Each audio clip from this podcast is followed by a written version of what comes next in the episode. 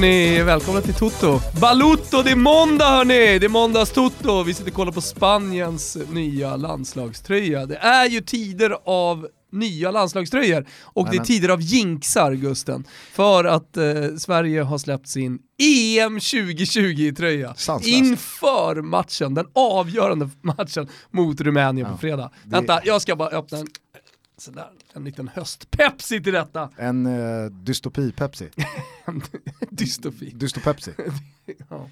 Nej men det är väl sant, det är, alltså, det är ju ett sanslöst beslut. Varför eh. inte vänta in den säkrade EM-platsen i och med den här samlingen mm. och sen nästa vecka släppa då tröjan? Eller om de nu är klara efter fredagens match, spela i EM-tröjan mot Färöarna. Det hade väl varit något? Nu blir det ju istället så här, jo okej, okay, men vi är ju inte klara. Och nu sitter det folk och undrar, vad fan är det vi pratar om? Skaramantia, vidskeplighet, vad är det för jävla skit? Men det är så det funkar i fotbollsvärlden. Vad vet ni? Jag tar, lite jo, jo, jo. jag tar en vidskepsig. Nej men he helt ärligt, det är så här det funkar i fotbollen. Ni vet ingenting, vi vet ingenting, men jinxa inget i alla fall. Nej. Det är jobbigt, jag tycker att det är jobbigt. Vad tyckte du om tröjan då? Det var ju väldigt, eh, det var ju kul, jag var ju på A Days March förra veckan. Mm. Och eh, då, eh, grabbarna som jobbar där, de är ju Toto-lyssnare. Mm. Och då sa de att vi, vi satt och vred på oss när ni pratade om Juventus tröja där för några veckor mm. sedan och ingen av er visste vad det lilla, nu hittar jag ens ordet igen, ja, men det lilla partiet i slutet på ärmen. Mm. Heter? Eh, ja, mm. och de, det heter ju mudd. Ja. Även uppe på... Okay. Även, även om det inte är en mudd Exakt. så heter det mudd. Och för mig tar det emot att är det ovanför alltså armbågen... En mudd ska ju vara Precis, som du sitter den här i en fin Nakata-hoodien här.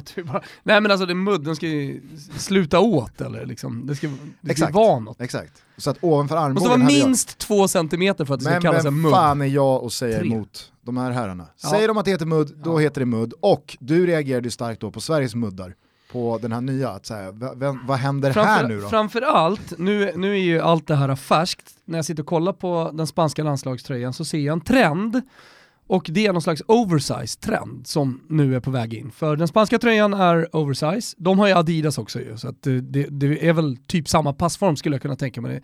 Eh, och den svenska landslagströjan är också Adidas. Jag ser att det är samma typ av krage, samma passform och sen så är de designade lite olika. Jag är inte helt säker på att det här kommer slå väl ut, men du vet regeln va Gusten innan man bedömer ett matchställ. Man vill se den på från eh, tv-kameran högt upp på en arena, man vill se landslagsspelarna sjunga nationalsången i den. Först efter det kan man göra sin bedömning. Ja. Det är en helhet. Men vi vänder oss starkt emot tajmingen på att släppa tröjan och kommunicera ut att här kommer Sveriges EM-tröja 2020. Nej, för jävligt. Den kom, kom ju också med en, en video Eh, där eh, Lustig och Alexander Isak och mm. Albin och grabbarna eh, verkligen backar upp de nya kraven för mm. att få bära tröjan, både som spelare och supporter.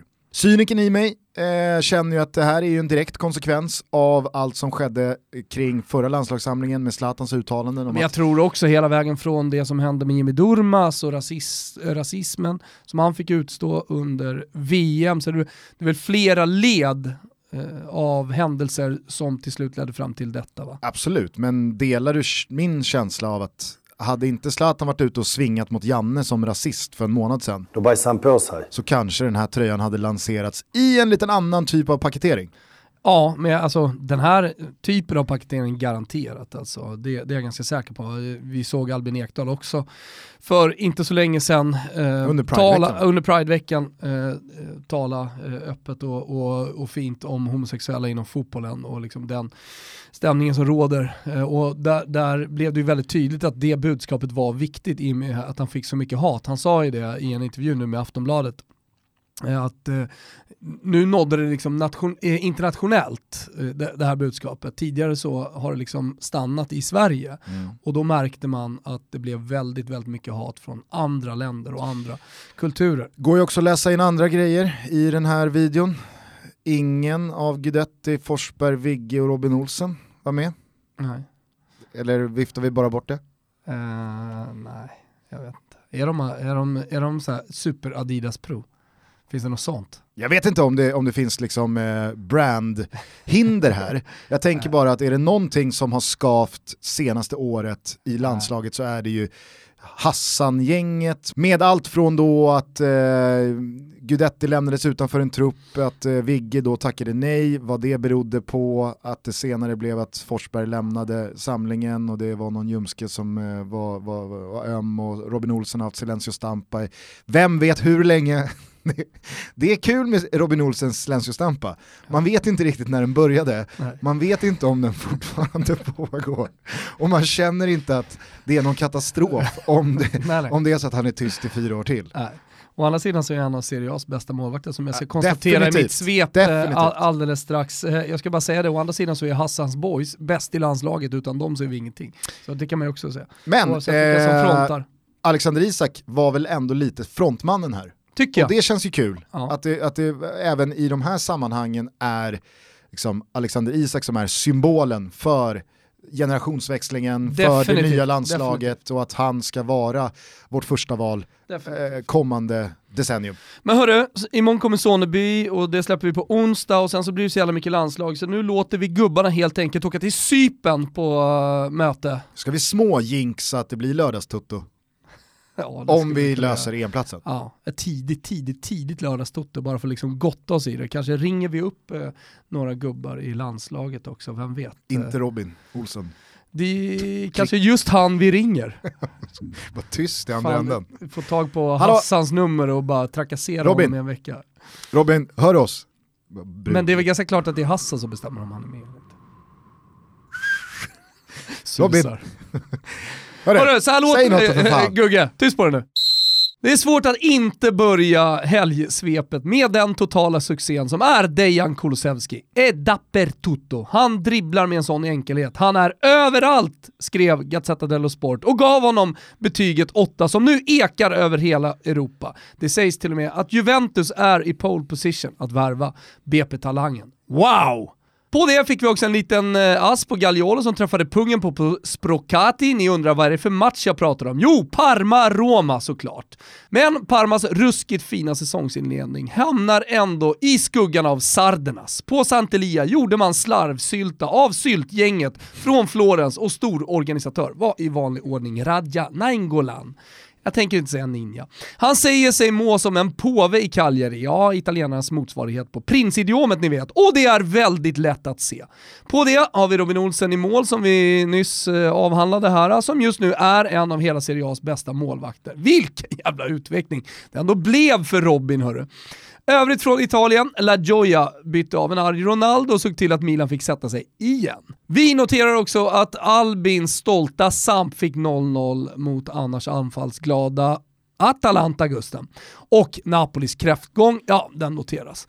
Vidare till England, fina fina England, vilken jävla match det blev på Anfield, vilken energi och uppvisning av fotbollsatleterna på planen. Kvalitetsmässigt blir det inte så mycket bättre än så här.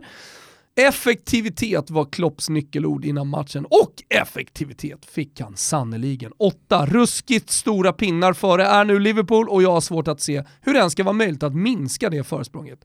Intressant att se lagen bakom, både Leicester och Chelsea, fina fina Frankie Boys va, är efter var sina segrar nu förbi Pep Guardiolas stjärngäng.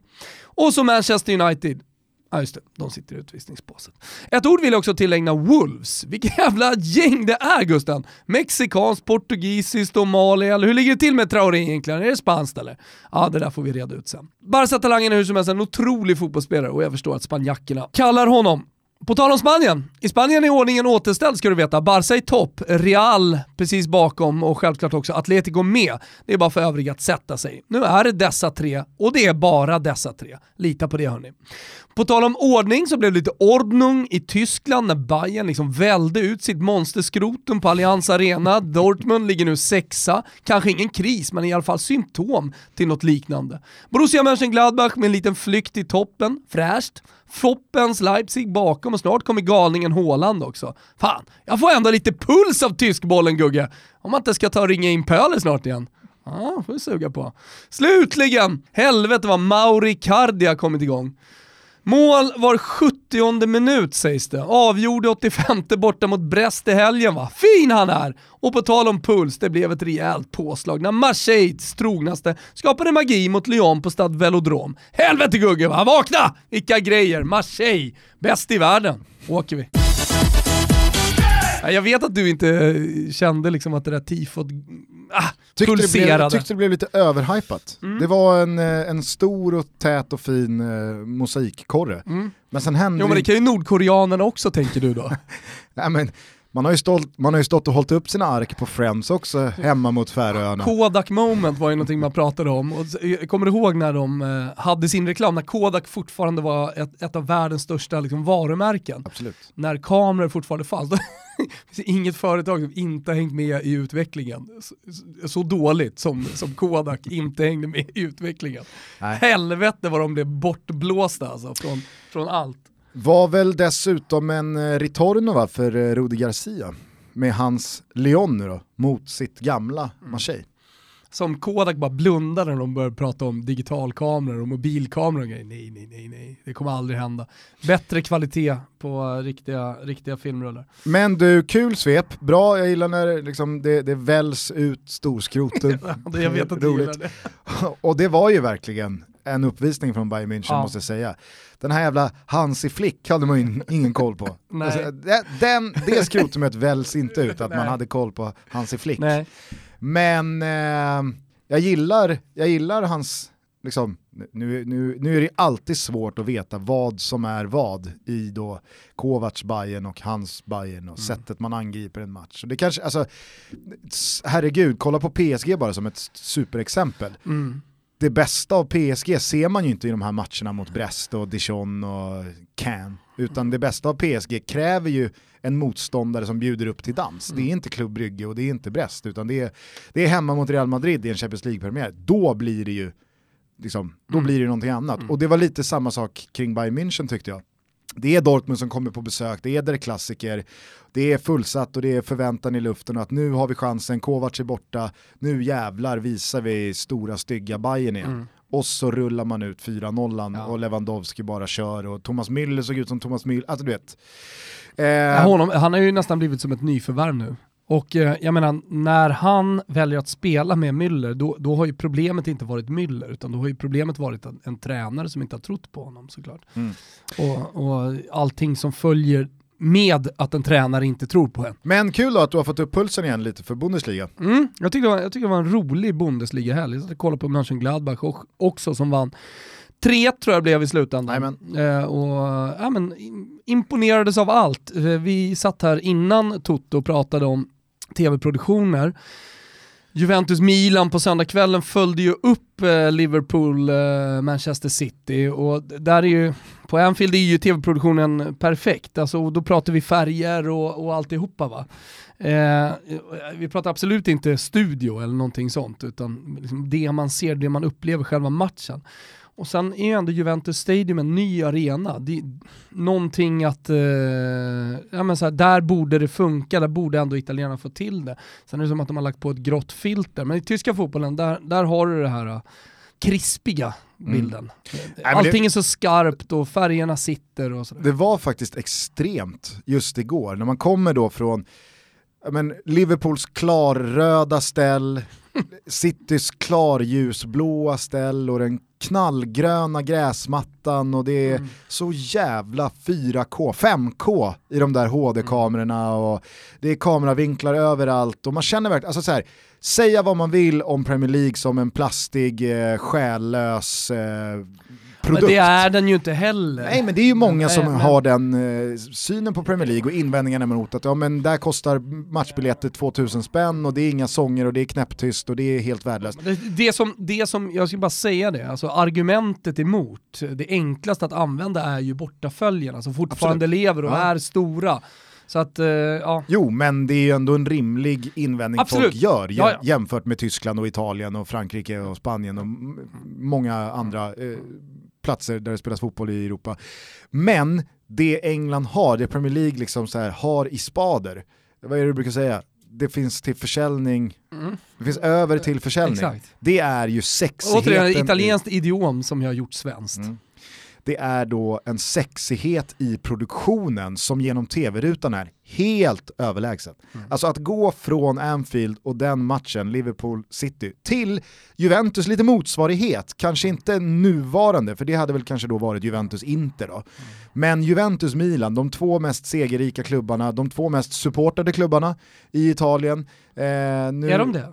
Det är de väl, eller? Mm, jag bara tänkte på Inter lite grann. Jag vet inte, du kan säkert svara. Min, om jag hade fått frågan vilka är de två mest supportade klubbarna i Italien? Intressant. Så hade jag nog sagt Milan jämte Juventus, mm. som man vet är den ja, mest. Alltså jag har ju sett massa sådana undersökningar och jag kommer ihåg när det nya tv-avtalet för ett decennium sedan eh, skulle komma och då, då, då baserade man summan som varje klubb skulle få, bland annat då till 5% tror jag, på en undersökning om hur många fans som finns i Italien till de olika klubbarna. Och där ligger Juventus i toppen, men jag minns inte hur det såg ut bakom. Jag skulle i alla fall kunna ta gift på att utanför Italiens gränser så är ju Milan det näst mest supportade laget. Det måste det vara, mm. med tanke på deras 90-tal och tidiga 2000-tal med de ja. spelarna som har varit ja, men där. Det är, det är möjligt att du har rätt där. Jag bara la in en liten brasklapp ja. för Inter. Och sen som du då säger, det är på Allianz Stadium, den är nybyggd, det är Juventus med Cristiano Ronaldo i spetsen. Men till och med Cristiano Ronaldo, han ser blek ut. jag vet, jag tänkte också på det. han, ser, han ser nästan lite såhär, när, näringsbrist. Du, du vet ju i Italien så brukar man, brukar man ju sjunga, eller sydlagen brukar sjunga, eh, Avete solo la nebbia. Solo la nebbia, vet solo la nebbia. Alltså ni har bara dimma där uppe i norr. Vet. Mm. Eh, och fundera lite nu när vi sitter och pratar om det, inte hade svept in lite dimma över eh, Allians ja, men Jag har faktiskt tänkt på det här de senaste veckorna kring Ronaldo, att han ser blek och ja, ser det... nästan sjuk ut. ja, han ser svag ut. Jag tänkte på det igår, ja. nu när du säger det så tänkte jag faktiskt på det. Och, och så är det då liksom så här, planen, den är, den är lite åt det bruna hållet du såg ju gyttjigt och kladdigt det var, spelare halkade och det var, äh, du vet såhär, och så sidan, jävla profillöst ja. i Milan också, det finns inte de här När Vicky Blomé kör, ja oh, Jackie Bonaventura, du vet när han skulle in, oh, italiensk landslagsman, var ju en av Milans bästa spelare här nyligen, alltså, såhär, du vet, det, det lät som mm. att såhär, ja nu skickar vi in eh, Sadio Mané ja. på planen. men, men, det är Jack Bonaventura, så jävla dassig generation italienska fotbollsspelare som han ja. var en av de bättre bättre i. Han är ju symbolspelaren. Han är symbolen han är symbol för italienska kräftgången. Han, exakt, han är symbolen för att Italien missar ett mästerskap. Han är symbolen för, för, en generation som tyvärr aldrig blommade ut Verkligen. överhuvudtaget till att bli någonting. Nej men också liksom så här, Ronaldo springer omkring undernär där och... Alltså Borini är ytterligare en av de symbolerna, han spelar också i Milan. Mm. Ja, men det finns, alltså, Milan är ju, det, det lagbygget, i alla fall de italienska ja. spelarna i Miljardbygget ska sägas, för att eh, de har spenderat miljarder. Men jag tänkte faktiskt så här, igår när då eh, Sarri, som, som du nämnde i svepet, Sarri gör ju ett riktigt, eh, riktigt eh, jävla bossigt move när han ja. då byter ut Cristiano Ronaldo i 54 eller vad det nu var. Mot Dybala, det finns de som hävdar skada på Ronaldo, han var ju doubt innan, men... Det finns också läppläsare som eh, menar på att han säger fuck off och på tal då om hur, och på tal då om hur Emil Forsberg en gång lämnade Rumänien-matchen på Friends och sen skyllde på en ljumske, så tror jag vad jag vill om hur skadad Cristiano Ronaldo var. Så som det såg ut, han knallar rakt ner i tunneln, han tittar mot Sarri och, och som du säger, Lämnar säger arenan innan matchen är slut, ja, rapporterade Sky. Och vet du vad Fabio Capello sa i studion efter? Eh, det såg jag någonting mm. att du skrev Han har inte dribblat förbi en spelare på tre år. Jävla såg alltså, motorsågen. Ja. Han har väl heller inte, jag tror inte, eh, det, var, det kom ju frisparksstatistik här. Eh, Just det. Det är inte heller rolig läsning. Nej. Eh, nu var det ju på väg att bli ett frisparksmål. Å andra sidan så finns det ju annan statistik som... Men eller, du, du såg det, ja, ja. det var ju på väg att bli ett frisparksmål. jag, jag, ska inte försvara Ronaldo bara för att. Nej. Men, eh. men han var ju på väg att sätta en frispark mot Moskva här, när eh, målvakten räddar och sen går den ändå mellan benen, men då är Ramsey där och petar in den. På mållinjen. När det är en och en halv centimeter kvar av bollen på mållinjen. Så det blev inget frisparksmål där heller, men jag tror att han typ inte har gjort ett frisparksmål sedan han kom till Juventus. Och eh, under samma tid så har Dybala och Pjanic... Jag tror han har gjort ett. Jag är tveksam Jag vill minnas ett. Okej, okay.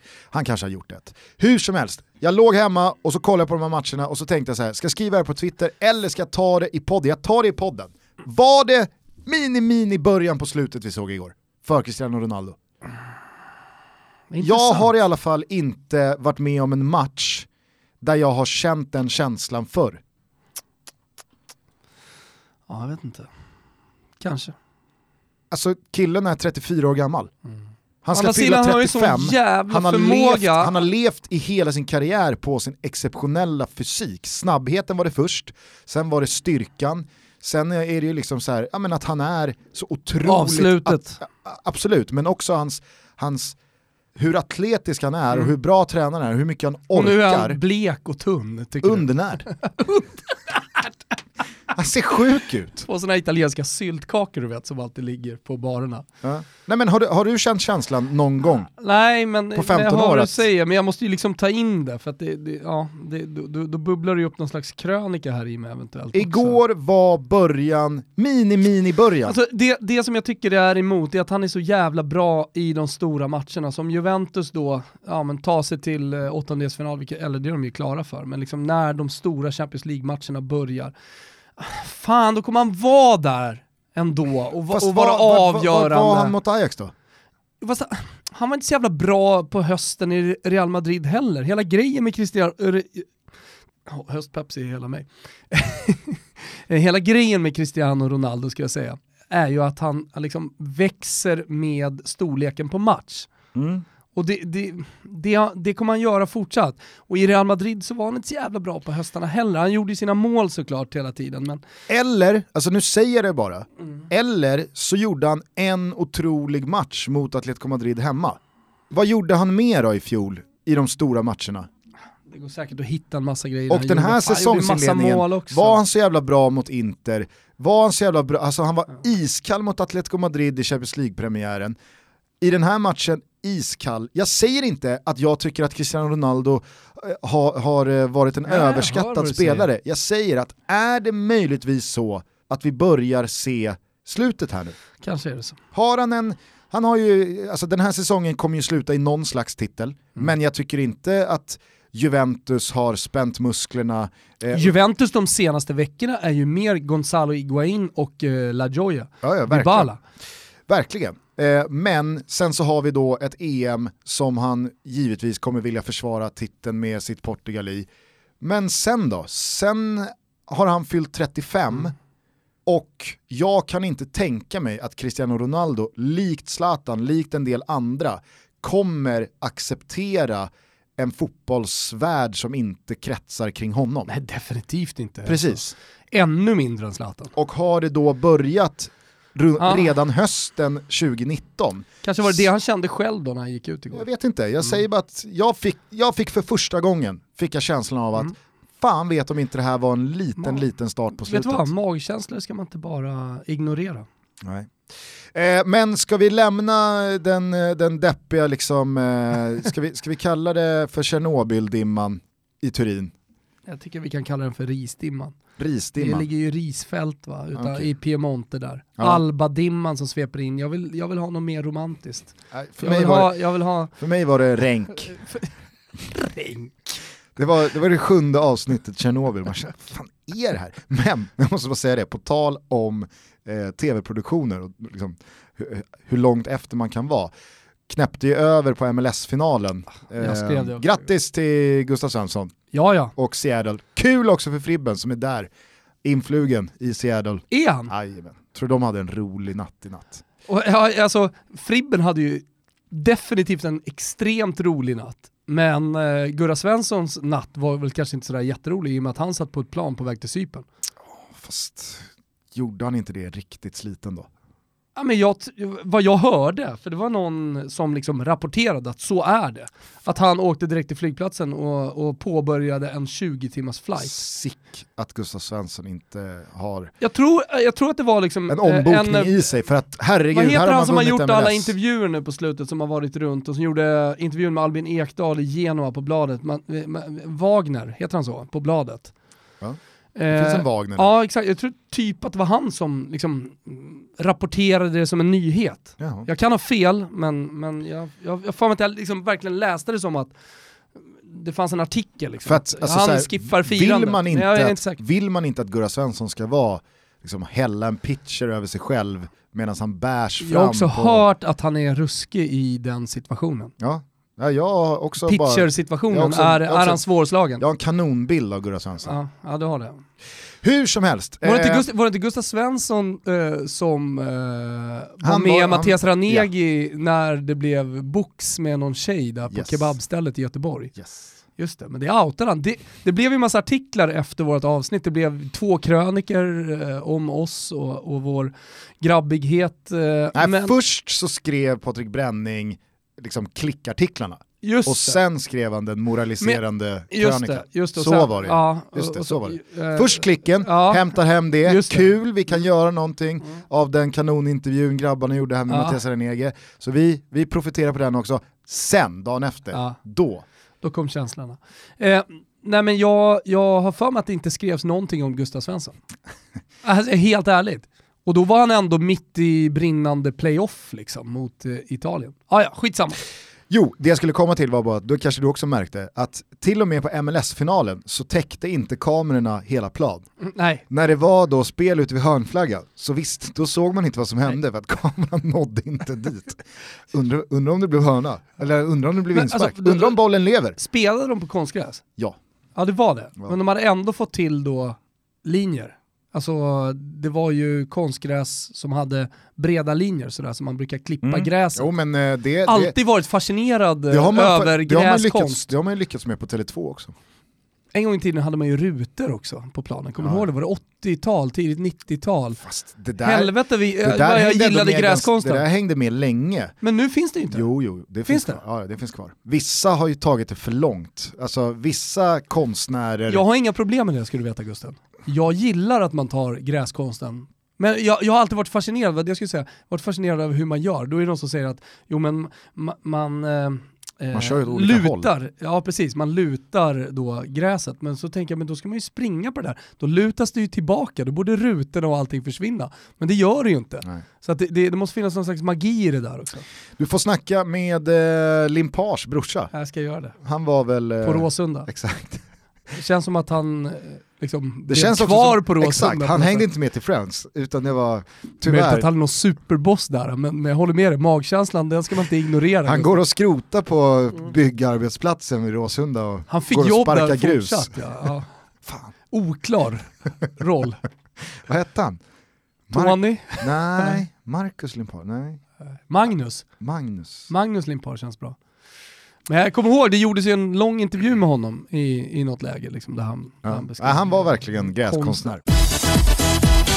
Vi är denna vecka sponsrade av A Days March. Mm. Och det här känns jävligt roligt. Vad är då A Days March? Jo, det är ett klädmärke som jag måste säga har huvudet på skaft och en jävla massa snygga kläder ja. i sina butiker. Ja, du säger sina butiker, de har väl har sex butiker de har? Mm. Tre butiker i Stockholm, en butik i Göteborg, en butik i Köpenhamn och en butik i London. Så att trots att de bara har funnits i fem år ungefär mm. så har de expanderat och det rejält. Finns ju givetvis också online och det kanske sitter några där ute eh, som skolkade från engelska lektionen och är lite så här, vågar man fråga hur det stavas?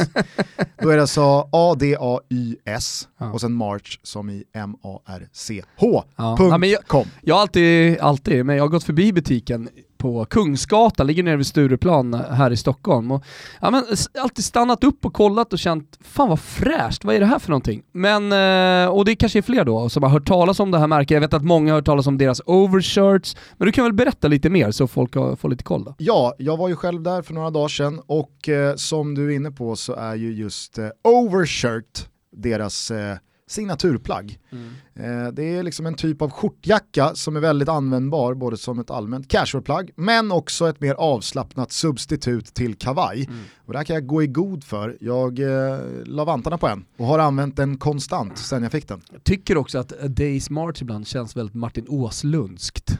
Och det är ju det bästa betyget. ja men gör inte det, det är så jävla klint liksom. Ja men och det är ju det bästa betyget man kan få. Ja, I och med att Martin men, är Sveriges bäst klädda. Exakt, men kör, berätta. Ja, men, uh, utöver då overshirten så gör de framförallt basplagg såsom skjortor, t-shirts, sweats, jeans, sneakers med mera. Och varför just basplagg? Jo, här finns det ju en miljövänlig tanke, mm. en baktanke. Ja, men det är jättebra att 80% görs i Portugal och en stor del av plaggen är ekologisk bomull. Men sen just att det är så här klina, tidiga tidlösa plagg gör ju att man inte behöver liksom konsumera så mycket. Jag har ju många polare och framförallt Helenas kompisar som liksom ska köpa nya kläder hela tiden. Det här är plagg som eh, räcker resten av livet. Precis, och det var ju det jag menar med att de verkligen har huvudet på skaft och tänker miljövänligt för att de här basplaggen, de går inte ur tiden, de hakar inte på Nej. massa trender. Det vet man ju själv, man har köpt någon illgrön eh, tröja eller någon leopardskjorta eh, för att mm. det var hett i tre månader. Säg som så... det du tröttnade jävligt hårt på de blommiga skjortorna. Nej men så står man där ett halvår senare och känner att jaha, det här, har ju, det här tåget har ju lämnat ja. perrongen för länge sedan. Vad ska jag göra med de här skjortorna eller tröjorna eller kläderna? Ja då slänger man dem eller så, så ligger de och ruttnar i en låda mm. och det är ju miljöovänligt. Ja. Därför har A Day Smarts verkligen tänkt till och ja, men det är lyckats i jag. sitt koncept mm. här. De vill ju givetvis premiera Toto-lyssnare de är ju Toto-lyssnare själv. Mm. Rasmus som jag hängde med i butiken där, eh, han, eh, han har faktiskt bidragit till vårt fantastiska Instagramflöde en gång i tiden. När han var, Renzo Barbera. Exakt, när han var i Palermo och kollade på Palimmo. fotboll. Det finns en ömsesidig uppskattning här. Mm. Ja, det gör det verkligen. Och så här, nu pra pratar vi mycket om plagg, gå in på daysmarts.com, kika in, jag, jag, lovar att ni kommer digga det. Exakt, och väl på daysmarts.com så ger de 15% rabatt på hela... 15? 15 ja. Mycket bra ju. De ger 15% rabatt på hela orden med rabattkoden TUTTO mm. och den här anger man i checkouten då, då när just man har liksom färdigställt sin order på Ja, generöst. generöst. Ja, big ups till A Days March. Eh, fan vad kul att ni är med i Toto Balutto och möjliggör vår podcast och återigen, vi ses ute på stan i våra overshirts. Det gör vi. Stort tack till A Days March vi måste väl för fan tillbaka till Anfield och den här matchen. Du sa det i svepet, vilken start det blev, vilken match. Ändå, på ett sätt tror jag att Pep Guardiola hade svårt att sova igår, av många anledningar såklart. Det är många som har sett bilderna på när han skakar domartrions händer och skriker “thank you so much” fem gånger och när han eh, står med två fingrar i luften för att mena på att det har varit två hands här nu i straffområdet. det är kul när han vänder sig upp mot himlen. Ja den tredje gången och skriker bara. Det är, liksom, det är som när George Costanza skriker “Serenity now”. Hur låter det då? Serenity now! Nej men han var ju så jävla frustrerad och så, så skulle han då maskera det efteråt i intervjuerna genom att bara med ett fejkat leende stå och prata om hur fantastisk insats hans lag hade gjort och att det var bland de bästa matcher han någonsin sett sitt lag spela och att han vill inte, ja men du vet, det, det var ju såhär psykfall-vibbar verkligen 100% så här, mm. den här människan kan gå in och vrida nacken av någon mm. precis nu. Men en sak eh, måste jag bara vara tydlig med, jag pratar om åtta poäng. Ja. Man har ju en åtta poängs ledning, men. Leicester och Chelsea kommer inte vinna någon Premier League. Nej. Så att det är nio poäng ner mm. till eh, Manchester City. Ja men det tror jag ändå folk fick med sig från svepet. Ja. Jag tror folk fattade jag det. Det jag skulle komma till var bara att jag tror att han ångrade sig som fan varför han ställde Ederson i målet mot Atalanta i den mm. där fjärde meningslösa Champions League-gruppspelsmatchen. Alltså, det, det kostade ju honom Ederson, istället får han spela Claudio Bravo. Och han är inte bra. Han är inte bra och så här, jag vill inte ta bort någonting från Fabinho och hans skott. Jag tycker Fabinho för övrigt är kanske världens just nu bästa defensiva def mittfältare. Sittande mittfältare. Ja. Eh, har fötterna. Äh, jag, jag, tycker verkligen han är otrolig just nu. Men det där skottet tar Ederson. Det tar inte Claudio Bravo, men det tar Ederson. Mm. Och där och då får ju Liverpool, alltså det, det, är svårt nog att spela mot Liverpool på Anfield. Att göra det i underläge 1-0. Mm. Det är, liksom, mm. det, det är kanske det värsta du kan göra. Ja, och det var ju underläge 2, det tog ju 13 minuter. Så Precis, men 2-0 målet är ju också en konsekvens av att de leder med 1-0. Mm. För det, det, blir ju ett... Det blir jag köper ett, det, jag köper det det blir ju en dynamik i matchen som då gör att oh shit, City ligger under bara efter 5-6 minuter, då måste de gå framåt ännu mer. Då kan Liverpool, en, alltså då har de ännu större ytor att utnyttja i sina omställningar och sättet de gör på, äh, alltså det är så, vi pratade om Ronaldo som någon som har levt på sin fysik och att det är ett, liksom, att hans atletiska kropp blir en del av edgen. Alltså så som Trent Alexander-Arnold och Andy Robertson forsar fram mm. på de där kanterna. Så det är, det är sanslöst. Ja det är det faktiskt. Att han står upp i eh, Viasats innerplansstudio efteråt och liksom mm. är, visst nu säger han att han är trött men man ska ju vara helt färdig efter en sån match. Ja, nej, men det, det, är ju någon slags grund också. Alltså. Jag skrev om det med, det är en häftig resa som Klopp har gjort om man tänker på de där första matcherna när spelarna blev skadade som på löpande band på grund av att de inte var förberedda för att spela det fysiskt krävande spelet som eh, Jürgen Klopp hade. Sen så inledningen, du vet ju hur det var, då var det Jürgen Klopp i Dortmund. Alltså man, man, man kunde göra monsterprestationer, man är alltid imponerad av att se ett Klopplag för att det är kul liksom. Eh, och sen så har man gjort den här eh, nästan så transformationen till någonting annat eh, och den bara kom över en sommar och, och det är klart att han har jobbat jättemycket på det på, på träning. Det känns, som att de, det känns nästan som att de tränar dubbelt så mycket som alla andra. Mm. Hur kan han göra det där? Det vill, det vill väl alla ha en plan A och en plan B, alltså sättet de backar tillbaka på, tillåter sig själva att lida de sista 25-30 minuterna och gör det bra. Det, det, det, är det som jag tycker är liksom så jävla, och det som gör Klopp till världens bästa tränare just nu, att, att han har lyckats ta, göra den här resan på relativt kort tid ändå. Och om det var svårt att se vad som är fortfarande Kovacs Bayern München och vad som har hänt under en vecka med Hansi Flick så går det ju inte att tillskriva någon annan liksom, någonting i detta Liverpool än Jürgen Klopp. Och där tycker jag också en dimension man ska lyfta är hur han får spelare som mer eller mindre har dömts ut, som mer eller mindre har hamnat i så pass djupa formsvackor att man har känt att nej, här blir det nog... Hånats till och med i vissa Exakt, fall. men kolla på matchen igår. Dejan Lovren, mm. hur bra är han? Ja, men... Alltså han gör en 5 plus match. Mm. Han gör inte ett fel nej. på 95 minuter. Nej. Jordan Henderson har förvisso haft lagkaptensbinden i ett par år här nu, men var ju starkt ifrågasatt under fjolårssäsongen. Det, det var ju väldigt många Liverpool-supportrar också som bara, vi älskar Jordan Henderson, men han är för dålig. Mm. Han har ju brottat sig tillbaka och tycker jag ser riktigt bra ut nu mm. också. Jo men på eh. det så har han dessutom lyft upp en egen produkt som är Trenty, han har tagit in eh, Robertson som ingen pratade om innan Liverpool tog in honom, inte på det alltså. Nu är han, han spelar ju Hall liksom. Ja men nu han, jo men ändå, att han hittar den typen av spelare, alltså, det, är, det är många olika dimensioner. Sen så kan han göra den här supervärvningen av van Dijk till exempel. Allison också, supervärvning, passar perfekt in i vad Klopp vill ha. Så finns det ett sportcheferi här som han har varit med på eh, som mer eller mindre har varit perfekt. Mm. I och med att man har jobbat på så många olika fronter. Det har inte bara varit stora namn, Nej. utan han har, gjort, han har gjort spelare till, eh, till stora namn så att säga. Ja, och sen som jag var inne på med Fabinho som var väldigt ifrågasatt han också under mm. fjolsäsongen, att det tar tid men det kommer, det kommer, det kommer mm. och han fortsätter ge honom förtroendet och nu så är det som att hela laget utgår från Fabinho som någon slags spindel i nätet och som är överallt. Där finns också en Vinaldum. Ja, jag tycker att man kan prata om Salah från Roma mm. som en spelare som han också har Men liksom också hur han då får tillbaka både Lalana men framförallt Oxlade Chamberlain efter långa tuffa skador. Det är också spelare som ja, men jag tror går i, i, i döden för Jürgen Klopp, för man märker ju det på hans repertoar och hans eh, lina med sina spelare.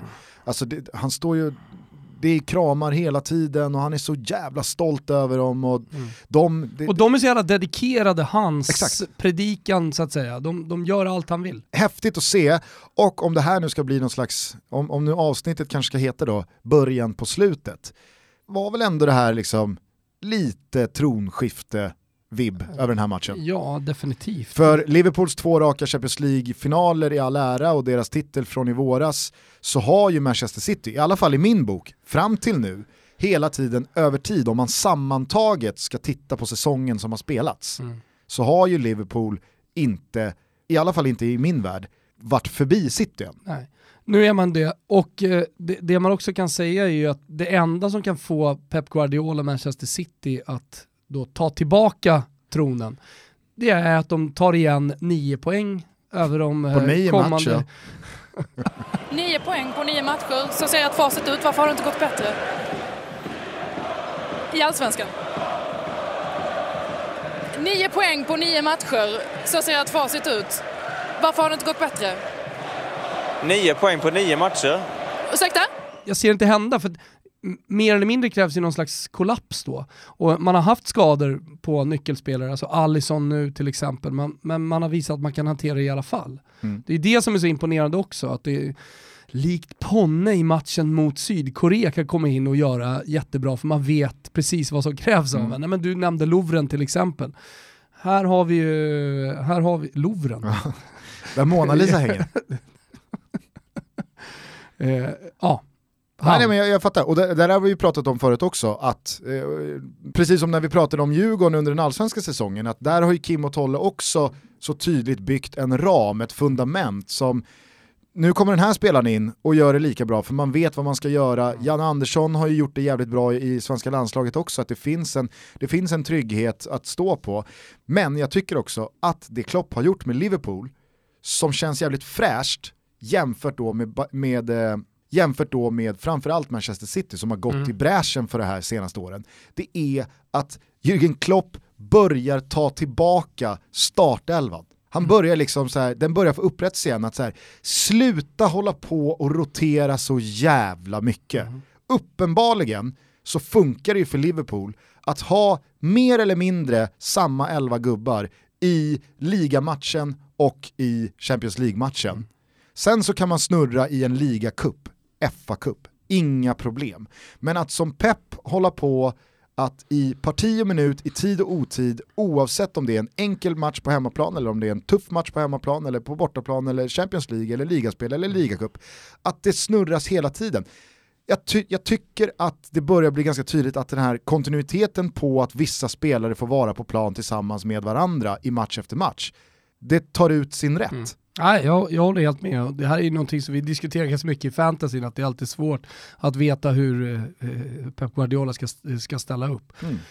Det, det, är klart att det, han, han sticker ut där. Eh, och det är klart jämfört med andra att Klopp har bättre förutsättningar att då utveckla ett lag när det är i princip samma spelare som spelar vecka ut och vecka in. Ja. Och sen ska det också sägas i det här, bara så det inte glöms bort, att Manchester City gör ingen... Manchester City?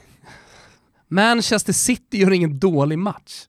Nej, det är alltså herregud, det är väl... Det är bara att är Liverpool är bättre. Ja. Det är små marginaler emot, City kan få med sig ett mål i en helt annan skede av matchen, men jag tycker ju att när allt är över och slutsignalen har Nej, gått så vinner ju Liverpool ja. fullt rättvist, de är tunga, de, de är bättre. De kan de också är... lida, det är så jävla viktigt.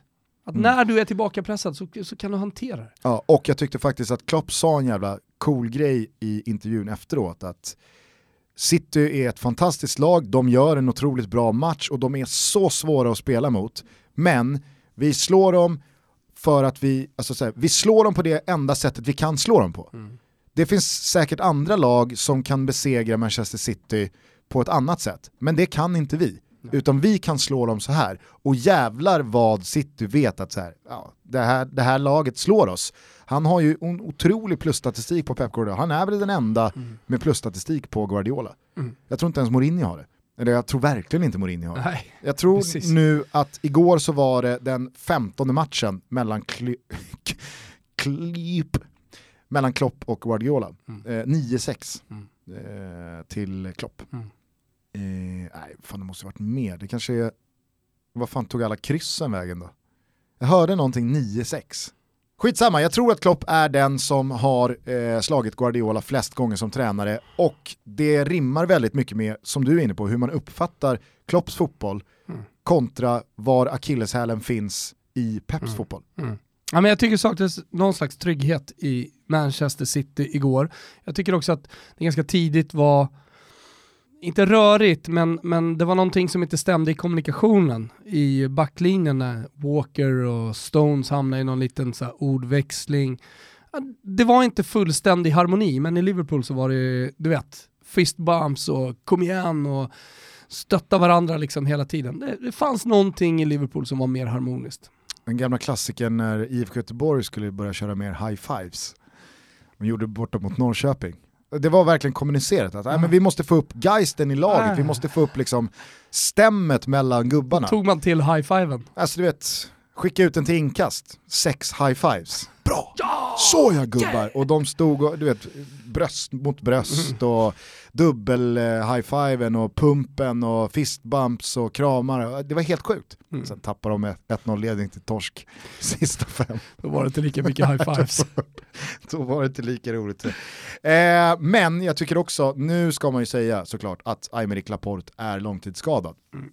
Men vad tydligt det blir när ett lag saknar en försvarschef. Mm och när försvarschefen i sig är för dålig. Där vi pratade lite innan inspelningen här om Romagnoli i Milan. Ja. Han är ju för dålig. Alltså, för att vara inte konstigare än så. Nej. Han är den givna mittbacken, han är försvarschefen, han är lagkaptenen, han ska vara liksom tryggheten där, som inte faller ur ramen. Mm. Men han är bara för dålig, det är, det det är inte svårare än så. Nej. Liverpool har ju fått allt det där i van Dijk för att alla kommer ihåg hur det såg ut mm. innan van Dijk. Nej. Det funkade inte med Lovren eller eh, Lovren och Matip. Nej. Det var ju liksom, tyvärr, men det går inte. Men det funkar med Matip, van Dijk, Matip, eh, Lovren. Mm, exakt. Och jag tror inte att man ska underskatta... Jag menar såklart van Dijk, Lovren. Jag sa Matip Lovren. Ja. ja. det funkade ju inte sa vi precis. Jag tror inte att man ska underskatta att Vincent Company har lämnat. Nej. Även fast han inte spelade varje jävla match. Men så. när han väl spelade, eller när han fanns i laget, så tror jag att det också fanns en helt annan mm. trygghet. Och jag tror att Manchester City, om något, de behöver inte, liksom, de behöver inte byta ut De Bruyne, Bernardo Silva, Sterling, Agüero, Jesus, alltså det är, det är sådana klassspelare. Mm. Mm. Men de behöver köpa en, de behöver ju köpa, men, kanske de som ska öppna plånboken och ta Koulibaly då. Mm. Jag vet inte. Mm. Finns ju inte sådär jättemånga att plocka nej, heller. Nej. Sen får vi se om Koulibaly har det, om han är rätt att vara den försvarschefen. Vi, vi kan ju tro det, men, men ja, det återstår att se. Det är inte Syl i alla fall. Nej. Som det, det. På tal om pitcher så Nej. stark i de sammanhangen. Har du något mer från helgen som, ja, som verkligen fastnade på dig? Man, man, tar ju med sig Kalmar va, som eh, lyckades eh, brotta ner, vet jag inte om de gör. Men, men de klarade i alla fall av Kleber Sarmpes, Brage och är kvar i allsvenskan. Det skulle tydligen bli fest efter. Och Rasmus Elm vet inte vad han ska göra nästa säsong. Allt är som vanligt i Kalmar. Men vilken lättnad det var sista minuterna där på Guldfågeln. Ja. När de visste att det var klart. Nu blir det ju 2-2 sent men Brage var ju tvungna att vinna med, med två bollar så det, var, det var ju klart. Man, man kände verkligen så här, vilken lättnadens mm. suck mm. Kalmar FF mm. drog. Och jag, jag kan nästan här och nu lova att Kalmar inte kommer vara indragna i en bottenstrid. Just för att så här, man får sådana här säsonger som ett wake-up call att nu kan vi inte fortsätta göra alla fel vi har gjort. Nu, nu det är bara att gå in på oss. Jonas Dahlqvists tips annars. Han har ju tippat eh, säsongen här nu innan silly season och alltihopa. Eh, gör han det varje år eller? Ja, det... Är det hans grej att, att, att, gå ut redan i november när allsvenskan precis har tagit slut och eh, tippa säsongen? Det är så jävla svårt att väga in alla parametrar när man ska tippa, därför blir det så svårt att ta på allvar. Ja, ja. Sen kan jag förstå om man gör det som en rolig grej. Ja. Nej, men För, I, i eh, mitt Kalmarsnack här går ju jag på erfarenhet hur det brukar vara när en etablerad högsta liga-klubb har ett riktigt jobbigt år och så reder man ut det till slut då brukar man ju många gånger kunna genomlysa säsongen. Det här mm. var jävligt fel och det här ska vi aldrig göra igen. Mm. Och att man har det också i spelargruppen, ett fokus på att vi kan inte hålla på och slarva bort 25 omgångar innan det blir allvar. Alltså... Han har Kalmar 12 ja. Safe and sound. ÖSK 9. Vi pratar... där är Säsongens det, slut i början på där är, där är det ju skitsamma med silly season och vad som händer i, i, på tränarpost och så vidare. Nya, nya. Eh, nej men eh, jag tycker också att vi kan, eh, vi kan skippa lite Chelsea och Leicester. Vi har ju pratat väldigt mycket ja, ja. positivt om de senaste månaderna här. Eh, och nu gör ju Leicester återigen en kanonmatch mot eh, Arsenal, som ändå går ut och backar Unai Emery mm. och säger nej nej, han ska ingenstans. Hur, hur, eh, hur hur ja, resonerar liksom... du kring Unai Emery? Ja, men du det, om det är en linje har ju väldigt som profilerat har. i Expressen då, tagit Emerys liksom, parti och så långsamt backat ut ur rummet. Har jag? Ja. Jag kommer Nej, ihåg jag när de slog tvärtom alltid varit emot Emery. Nej, jag kommer ihåg när de slog Tottenham i första North London Derby ja. under hans ledning i fjol och, ja. och du, du drog på stora trumman. Då får du fan hitta den krönikan för att uh, i min... det här var, ett, det här var ett vrål, liksom, det, här var, det här var nya Arsenal, ah, det här okay. var Emerys och okay. nu, Torreira var ju då symbolspelaren. Och... Fan men jag gillade det Arsenal med Torreira, vad har hänt med Torreira? Nej, det är ingen som riktigt fattar varför inte Unai Emery spelar Jag tycker han är en grym fotbollsspelare. Men, men han är, men... Alltså, nu, nu återstår det att se hur det, hur det landar här med Granit Xhaka. Han var ju inte, han var inte med i, i contention till den här Leicester-matchen, men eh, hittills under säsongen så har ju Torreira haft till... både Xhaka och Guendouzi framför sig. Så att... mm. Han ska väl tillbaka till Alba Schweiz och spela landslagsfotboll. Mm. Mm.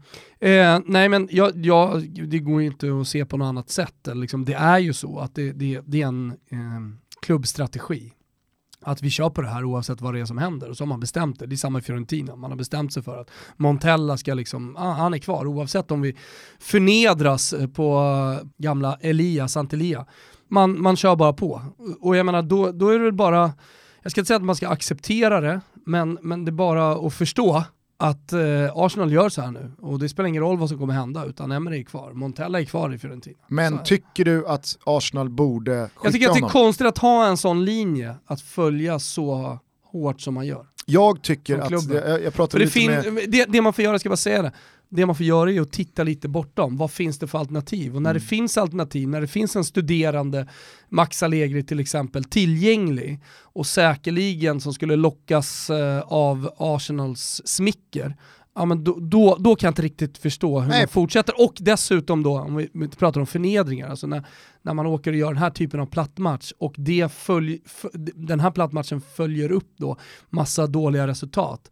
Då, då, då, då vet jag inte riktigt var, var det är man då har man gett, det skrev jag i en krönika nyligen, då har man lite gett upp säsongen också, mm. för det kommer inte bli bättre än så här. Det kommer inte, det kommer inte bara smälla till kring det Arsenal, för att Emery har varit där så länge. Och på tal om Jürgen Klopp så var det exakt det som Liverpool gjorde. Brendan Rodgers hade varit med och slagit som en ligatitel ganska kort tid tillbaka i, i, i historien. Men Jürgen Klopp fanns tillgänglig. Och då agerade man på det, att så här, tyvärr Brendan, men vi måste ta Kloppen. Men lite så här, vad är det man tror ska hända med Emery? Ja. Var kommer man anlända? Vad är slutmålet? Mm. Vad är det man ser som är så positivt som gör att man, man tror på det långsiktiga projektet med Emery? Det, och jag, jag ser ju ingenting där. Nej, jag hörde vår eh, gemensamma vän och favorit David Neves i en annan podd prata om det här och så mässade jag lite med Neves i morse. Och då så säger han att ja, men nu har Unai Emery lett Arsenal i 49 Premier League-omgångar. Vad är det man, alltså så här, vad är det man ska tro ske mm, det, på, på det, ytterligare 10-15 år. Dessutom så är ju de här första tre månaderna av den här säsongen post ett transferfönster där Arsenal har spenderat mer pengar än vad man har gjort på 10 år, mm. 15 år. Alltså med Nicolas Pepe, med David Luiz, man har... Eh, och visst. Alltså kämpa team Pepe. För att eh, han har ju en, jo men när man har kritiserat honom så har det funnits ett team där ute, Arsenal-supportrar som verkligen menar på att det här är inte, det här är inte Pepes fel. Jag fattar att det inte bara är han, men när man spenderar så, så stora pengar och får ut så lite av en spelare som, mm. som har ändå varit helt fantastisk tidigare och som så många klubbar ville ha. Han, han var ju symbolvärvningen den här sommaren. Han, han gjorde ju så att man verkligen trodde på Arsenal den här säsongen. Mm. Och sen så... Mm. Nej men så, så, med den extra aspekten på den här säsongens upplaga av Arsenal så blir ju kraven ännu högre. Dessutom så har jag full respekt för att man, man skickar inte en tränare under första säsongen för det blir för dyrt, det är för dålig business. Men nu är Unai Emery inne på sin andra säsong. Nu är det helt andra typer av hårt åtskruvade skruvar mot honom. Så, så att, eh, jag, jag tycker att Neves då, han resonerade jävligt bra i att även fast det är en period för en klubb att okej, okay, nu kanske det kommer ett mellanår eller nu ska någon följa upp en tränare som har varit där i en dynasti, post Sir Alex, post Wenger i det här fallet och så vidare. Supporterna kanske får ställa in sig på att det blir li lite tuffare eller man byter tränare, det, man gör en generationsväxling. Det kommer ta tid. Men man måste ändå kunna ställa kravet att under den här övergångsperioden, under den här återuppbyggnadsperioden, så måste man se att det går åt rätt håll. Poyas Bag i IFK Göteborg i fjol, det, alla var ju helt med på att okej okay, nu ska Göteborg omdanas i grunden, men det såg för dåligt ut. Mm. Det var liksom en eller två förluster ifrån att skitsamma Poja, nu får du faktiskt gå för att det här är liksom för dåligt. Sen löser man ett nytt kontrakt och man inleder den här allsvenska säsongen, okej okay, nu torskar man mot AFC-premiären då, men sen så slår man väl Elfsborg med 3-0 och så rullar det bara på. Att även fast man slutar sjua, det kanske var folk som tänkte, men fan nu ska Blåvitt vara med och slåss om uh, Europaplatser. Nej, men man har i alla fall sett tillräckligt mycket under den här säsongen för att alla ska ställa sig bakom Poja med Ferran Sevilla och känna att vi är på rätt väg. Mm. Det här mm. kommer bli ännu bättre nästa år. Nu är man ju snart en och en halv säsong in i Unai Emerys tränargärning i Arsenal och ingenting tyder på att någonting blir bättre. Nej, och man, man ska också ha respekt för, om man kollar på historien, eh, att även tränare kan komma att behöva bytas ut eh, när man ska göra den här typen av stor förändring som ändå Arsenal är inne i. Eh, när man har haft Wenger, du kollar på Manchester United, de har bytt tränare flera gånger, man har inte hittat rätt än. Juventus, innan de blev Contes Juventus så, så bytte man ju mellan Deschamps och eh, ja vilka var det alla som var där? Ranieri, Ranieri var där och så alltså, man, man, måste som klubbledare, Del Neri. in med Del Neri. E dargli quello che succede dargli, poi le altre cose. Nej men man måste också som klubbledning ha förståelse för att det kanske kan bli en del tränarbyten innan vi hamnar rätt. Och eh, då tror jag att den där hårda linjen som, som Arsenal kör på är fel. Och jag, jag blir ändå lite förvånad att man inte har tittat på en ny tränare, redan kontaktat, det kanske man har gjort, men jag tror inte det med tanke på att man, man, man liksom har kört vidare. Så att eh, från Casa Toto Balutto så säger vi Emery out, mm. men vi tror inte att det kommer ske. Nej. Nej. Eh, hörru du, det är måndag den 11 november, om några timmar ikväll så delas Guldbollen ut. Vem är din vinnare? Jag har fått här Zlatan. från en källa vem som kommer få den. Okej, okay, Zlatan. Mm. Jag, jag menar ju också att, jag, men det är ju för att jag, jo, jag, jag går förstår. emot statuten ja, här. Ja, ja, eh, jag tycker att Guldbollen ska delas ut till Sveriges bästa fotbollsspelare. Det är Zlatan Ibrahimovic, så därför skulle han ha det. Mm. Men nu ser inte statuten ut så att man måste ha varit med och... Rätta in det i ledet Gugge. Ska vi rätta in oss i statutleden, ja men då får jag nog ändå säga att... Eh, Vigge. Vigge... Jag tycker Albin ska få det i så fall. Men det blir lite för lång och trogen tjänst i sådana fall. Nej, det tycker jag inte. Du kan alltså på riktigt motivera att Albin Ekdal är liksom den mm. utifrån statuterna mm. som har gjort det bäst otroligt 2019. Bra, otroligt bra vår eh, under Gianpaolo i Sampdoria. Otroligt bra i landslaget, match ut och match in. Jag tycker, jag tycker han är en fantastisk fotbollsspelare. Och, och, och, det är inte lång och trogen tjänst. Jämför, ja, Vigge spelar i en större klubb. Ska han få den för sina prestationer där? Jag tycker ändå Albin har varit bättre om man, om man ser över hela året. Mm. Jag, jag, kan tycka så här att ser man till... Han är ledare, alltså, nej, jag, jag, jag tycker Albin Ekdal är en, är en självklar ledaren också i landslaget. Jag vet inte, jag, jag, jag tycker han ska få den. Många har ju pratat då eh, om Robin Olsen som en liten outsider, Emil Forsberg alltid aktuell, saknar ju också fortfarande en guldboll. Där har det också viskats om att när Andreas Granqvist fick Guldbollen 2017 så var det, då var det, då var det upprört. Jo. Då var det jävligt upprört och det, det där har varit en liten tagg eh, yeah. sen dess. Sen så tror jag inte någon Ja men den var ju, det, var ju, det var ju direkt felaktigt, det är klart att eh, Emil Forsberg skulle ha haft den, mm. inget snack om saken. Eh, sen På tal om så här lång och trogen tjänst och, och, och sådär, ja. så blir det lite löjligt. Sen tror jag ingen motsätter sig att Vigge fick den i fjol med tanke på då eh, Zlatans eh, korsbandsskada, han var inget alternativ, Emil Forsberg också väldigt skadad förra året och Granqvist hade gått ner sig mm. lite. Mm. Eh, får man väl ändå jo, säga. han ska inte ha. Eh, men eh, här får jag från då att eh, Vigge tar andra raka. Han får här får jag från då, du, du missade ett ord där. Från min källa. Ja, ja men, okej. Ja. Vem är det då? Ja, men det, den, den röjer man ju inte. Röj den! Nej. Men eh, det kanske finns eh, odds hos Betsson på eh, vem som får Guldbollen. Ja. Då är mitt tips Vigge. okay. lägg, in, lägg, inte en, en, peng på Zlatan. Här, okay. Får det från min källa att det blir Vigge. Du, eh, vi skulle ju ha gjort förgalan. Vi var tillfrågade i alla fall att göra förgalan eh, mm. till fotbollsgalan. Det blev inte så, vi tackade nej till slut. Det är så mycket annat att, att stå i bland annat. Hur känns det nu i magen? Att du inte ska stå där? Nice. Känns nice? Ja, absolut. Okej. Okay. Själv då? Uh, Ångest?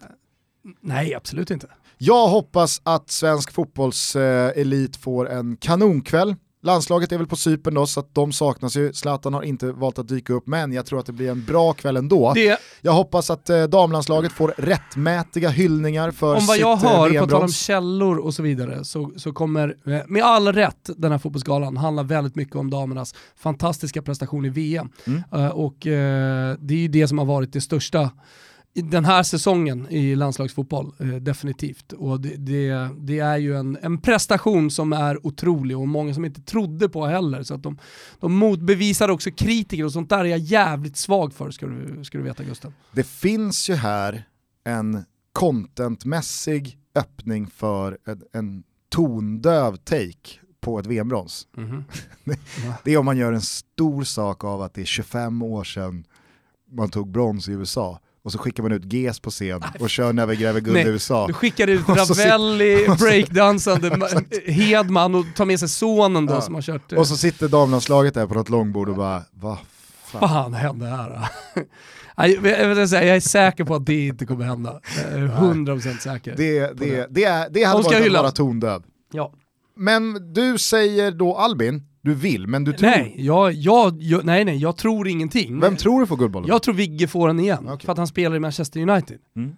Det, ja, ja, så här, det var det jag skulle komma till, eh, jag skulle bara säga det att ser man till landslaget, då måste jag säga att 2019 så tycker jag att bäst i landslaget har Robin Quaison varit. Mm. Sen fattar jag att han är ganska långt ifrån en guldboll i och med att han spelade i det USP-fria Mainz.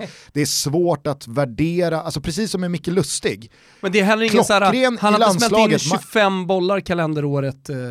Nej, jag, 2019 nej, jag, för Mainz, nej, men, men jag tror att så här, Micke Lustig har heller aldrig varit riktigt nära att vinna en guldboll. Nej. Men han har varit en av de absolut bästa i landslaget år ut och år in. Mm. Även i år, ingen snack om saken. Men han spelar i ett lite för liksom, vagt lag. Då i Celtic, Genk. nu i Gent. Är det Gent? Det är Gent. Ja, det är Gent. Ja. Eh, du fattar vad jag menar, att det finns ju vissa spelare som aldrig riktigt är med och tävlar för att... Nej men jag, jag, jag men självklart, och jag menar såhär, hej, Manchester United är någonting, men jag tycker ändå att eh, Albin Ekdal har ett bättre 2019 än vad Vigge har. Det tycker jag. Mm. Hörni, det är ju eh, landslagsvecka. EM-kvalet rullar igång från och med torsdag, finfina matcher hela vägen till och med tisdag nästa vecka och ni vet ju att ni ser hela faderullan på Simor. Ja, så är det. Sverige spelar fredag kväll, vi kan ha säkrat EM-platsen. Då sitter Blir vi här så på lördag. fallet så kör vi ett eh, extrainsatt lördagstutto mm. och tar ner eh, de eh, känslorna. Ja. Eh, och sen så hörs vi igen om några dagar tillsammans med Martin Soneby. Jajamän. Bra, nu säger vi ciao tutti. Ciao tutti.